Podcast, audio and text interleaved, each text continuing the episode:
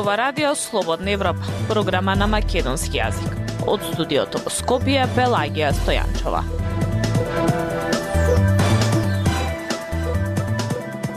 Во денешната емисија на Радио Слободна Европа објавуваме Училниците се празнат, се повеќе македонски деца се раѓаат во странство.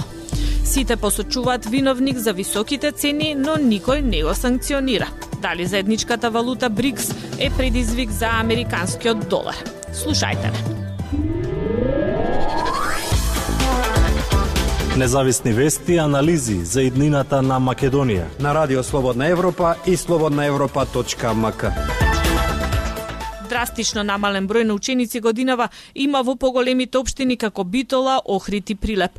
Повеќе ученици се запишани само во скопските општини Аеродром и Чаир. Секоја година се повеќе деца на македонски државјани се раѓаат во странство, а Северна Македонија меѓу 20 земји со најголема стапка на иселување. Во продолжение го слушаме Михајло Донев.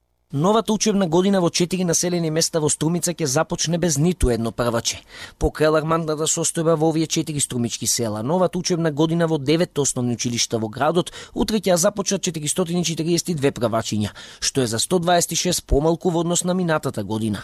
Официјалните општински податоци покажуваат дека за околу 100 ученици е намален бројот на запишени првачиња во новата учебна година во сите 10 основни училишта во Прилеп, додека во последните 6 месеци од минатата учебна учебна година. Родителите отпишале 300 ученици поради заминување од државата. Состојбата не е подобра ниту во Охрид, каде според последните податоци од Обштинскиот одсек за образование, годинава во прво одделение се запишени 445 првачиња, што пак е за 94 помалку од лани, кога се запишале 539 дечиња и додека е очигледно дека овие миграции влијаат на намалување на бројот на ученици во поголемите градови во земјава. Тоа не е ништо ново за помалите места во Македонија, каде да секоја година училиштата се соочуваат со оваа појава. Доскорешниот директор на основното училиште во село Батинци Алија Авдовиќ Кенал и Мери во разговор за РСЕ вели дека секоја година бројот на основци традиционално е помал за 50 до 60 ученици. Главна причина вели за ова е иселувањето. А се должи на тоа да, иселувањето посебно си одат во Италија со фамилии. Е, многу семејства се во Италија, да. Има и Германија по другите, ама повеќе се во Италија по криселувањето, кое го наведува како клучен фактор. Тафа Амети, подпредседател на Сонки професор во Гостиварската гимназија, за намалениот број на ученици, кој како што сведочи се случува и во Гостивар. По криселувањето пресудни вели се уште неколку фактори. Секако дека како прво е тоа што се намалува и наталитетот. Зборувам сега, тоа зависно од која националност е, а секако дека миграцијата го прави своето Додека миграциите и намалениот наталитет си го прават своето и се соочуваме со еден тренд на се помал број на ученици, министерот за образование и наука Јетон Шакири вели дека сепак има внатрешни миграции кои доведуваат до зголемени бројки на ученици во две скопски општини, Аеродром и Чаих. Подотоците на Заводот за статистика покажуваат дека на крајот од секоја учебна година на државно ниво за стотици ученици е помал бројот на ученици кои ја завршуваат годината, во однос на оние кои се запишале на почетокот од листата, токму како последица од заминувањето во други држави. Радио Слободна Европа, светот на Македонија дали Комисијата за заштита на конкуренција е клучна да обезбеди фер конкуренција на пазарот и да спречи доминација и манипулација со цените на некои компании во услови на континуирани поскапувања. Додека Министерството за економија и бизнисот ја критикуваат ова институција дека возможува нефер трговска практика и монополско диктирање на цените, од Комисијата за сега нема реакција. Владимир Калински Додека на светските берзи цените на храната паѓаат, во земјава и натаму континуирано растат. Државата со месеци утврдува кој е виновен, дали се тоа производителите или трговците. Одговори се чекаат од Државниот пазарен инспекторат кој најави дека следната недела ќе објави анализа за растот на цените на барање на Министерството за економија но стопанските комори се сомневаат дека анализите може да покажат дека државата дозволува нефер конкуренција на пазарот од страна на фирми кои на монополски начин ги диктираат цените. Периодов најголем раст има на цените на млечните производи според официјалните статистички податоци. Најави доаѓаат и за поскапување на лебот, а граѓаните се жалат дека половина плата трошат за храна и пијалаци, како што покажуваат и податоците од синдикалната потрошувачка кошничка. Иако од воцифрената инфлација трае скоро две години, државата допрва ќе утврдува дали високите цени се резултат на нефер трговска практика на некои компании, како што рече министерот за економија Крешник Бектеши. Од Државниот пазарен инспекторат велат дека имаат надлежност да прават инспекции во маркетите и да видат какви биле набавните цени на производите и да ја споредат крајната цена по која се продаваат. На тој начин може да се види колкаво е зголемувањето, но од оваа институција велат дека немаат надлежност да ги казнуваат фирмите.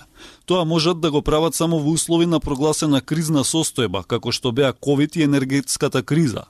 Затоа деновиве на критики најде Комисијата за заштита на конкуренцијата, од која компаниите и Министерството за економија побараа поголема активност за неконтролираниот раст на цените.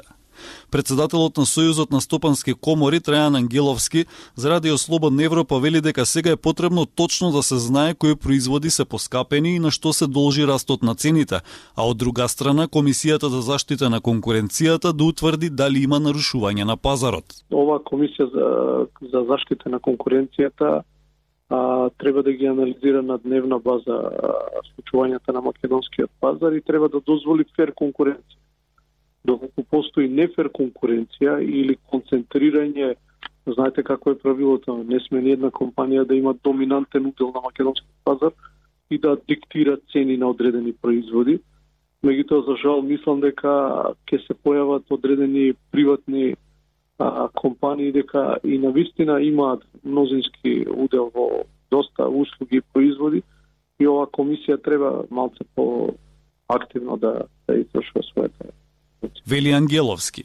Радио Слободна Европа побара одговори од Комисијата за заштита на конкуренцијата дали следат како постапуваат компаниите во однос на зголемувањето на цените, зашто граѓаните секојдневно се жалат. Одговор од оваа институција не добивме до објавувањето на текстот. Од неа исто така побаравме став за критиките на министерот за економија Крешник Бектеши, кој наведе дека комисијата во текот на ковид и енергетската криза не излегла со ниту една представка и конкретна мерка за како што рече нечие неетичко однесување за нефер трговска практика или здружување на одредени компании и концентрација на моќ на одредена фирма. Актуелности свет на Радио Слободна Европа. Русија зборуваше за можностите за дедоларизација, а Бразил ја представи идејата за заедничка валута на БРИКС.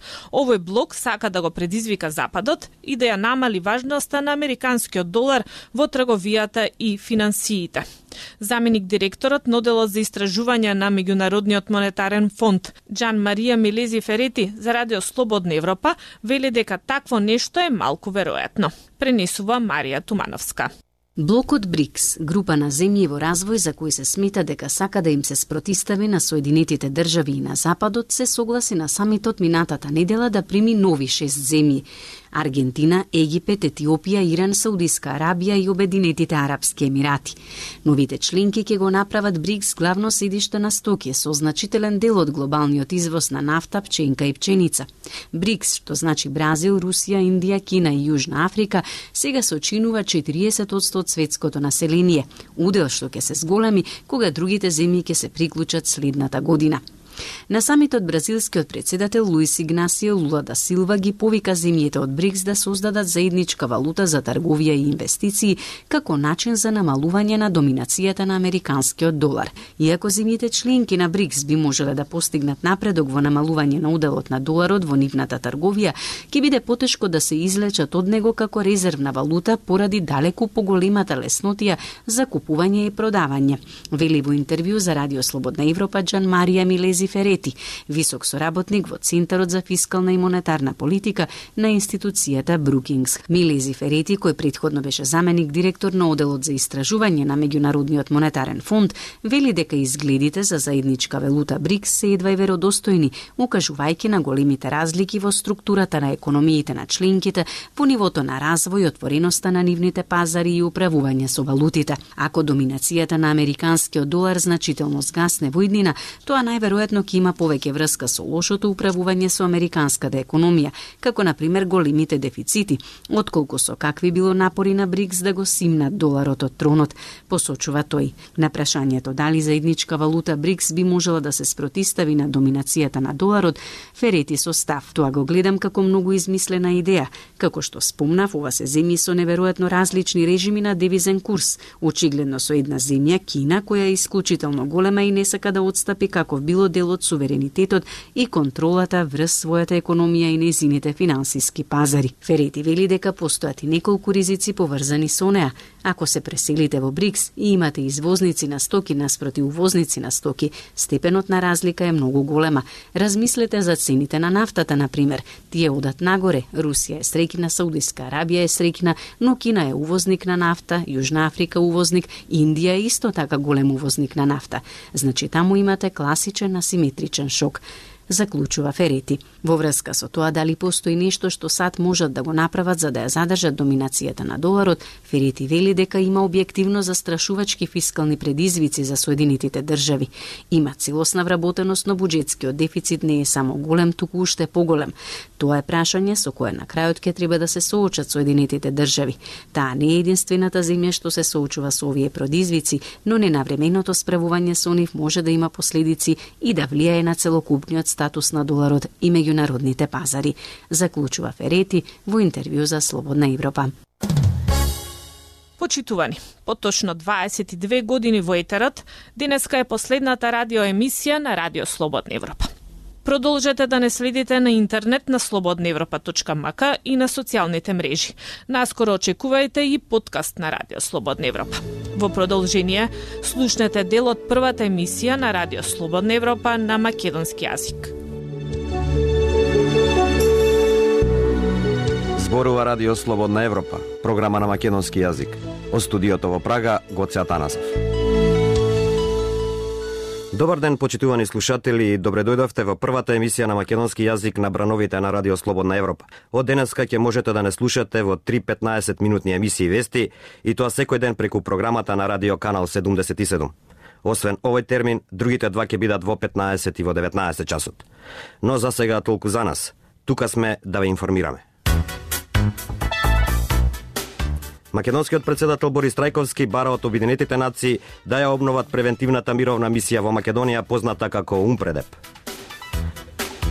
Македонскиот парламент ја продолжува дебатата за процедурата за измени на уставот. Амбасадорот на НАТО во Скопје, Ханс Јорк Ајф, во изјава за Радио Слободна Европа, вели дека двете страни во Македонија треба да го почитуваат договореното во Охрид. Според председател Трајковски, овој договор не е совршен, но ни еден не може да биде. Тоа е недоброто што во моментов го имаме. Во основните принципи на договорот се востановува и ставот дека не постојат територијални решенија за етнички прашања. За Радио Слободна Европа од Скопје, Мухамед Зекири. Дебатата ја отвори лидерот на СДСМ Бранко Црвенковски, кој рече целосно застануваме зад рамковниот документ. Сите ние кои ќе гласаме за Со сличен тон беше и излагањето на Насер Зибери од ПДП. Целивме за вистинската страна. За Радио Слободна Европа од Скопје Тамара Чаусидис. Прателивите сепак денеска нема да расправаат. 80-та собраниска седница, како што пред малку и официјално сме информирани, е одложено и продолжението дополнително ќе биде закажено. Благодарам Благоја, а во врска со парламентарната расправа, амбасадорот на НАТО во Македонија Ханс Јоркајв изјави дека страните што го подпиша рамковниот договор во Охрид мора да го почитуваат и да го спроведуваат. Првата фаза од разоружувањето заврши успешно. Во емисијава и за состојбата во кризните подречја во Македонија. Блокадата на граничната седница Бановце на македонско-југословенската граница поставена од времено раселените лица од Кумановско-Липковскиот кризен регион четврти ден продолжува. За Радио Слободна Европа од Куманово Светлана Антиќиорчевска. Ја слушате првата емисија на македонски јазик на брановите на Слободна Европа. Цел на ова радио е демократија, диалог и понуда на разновидни информации. Рекоа во разговорот што по повод новата емисија на македонски јазик, нашиот новинар Зоран Ќука го водеше со Джеф Тримбл, програмски директор на радио радиото и со Ненад Пејич, директор на програмата за јужнословенски јазици. Ја слушавте емисијата на Радио Слободна Европа, програма на македонски јазик. Од студиото во Скопје со вас беа Пелагија Стојанчова и Дијан Балаловски. До слушање.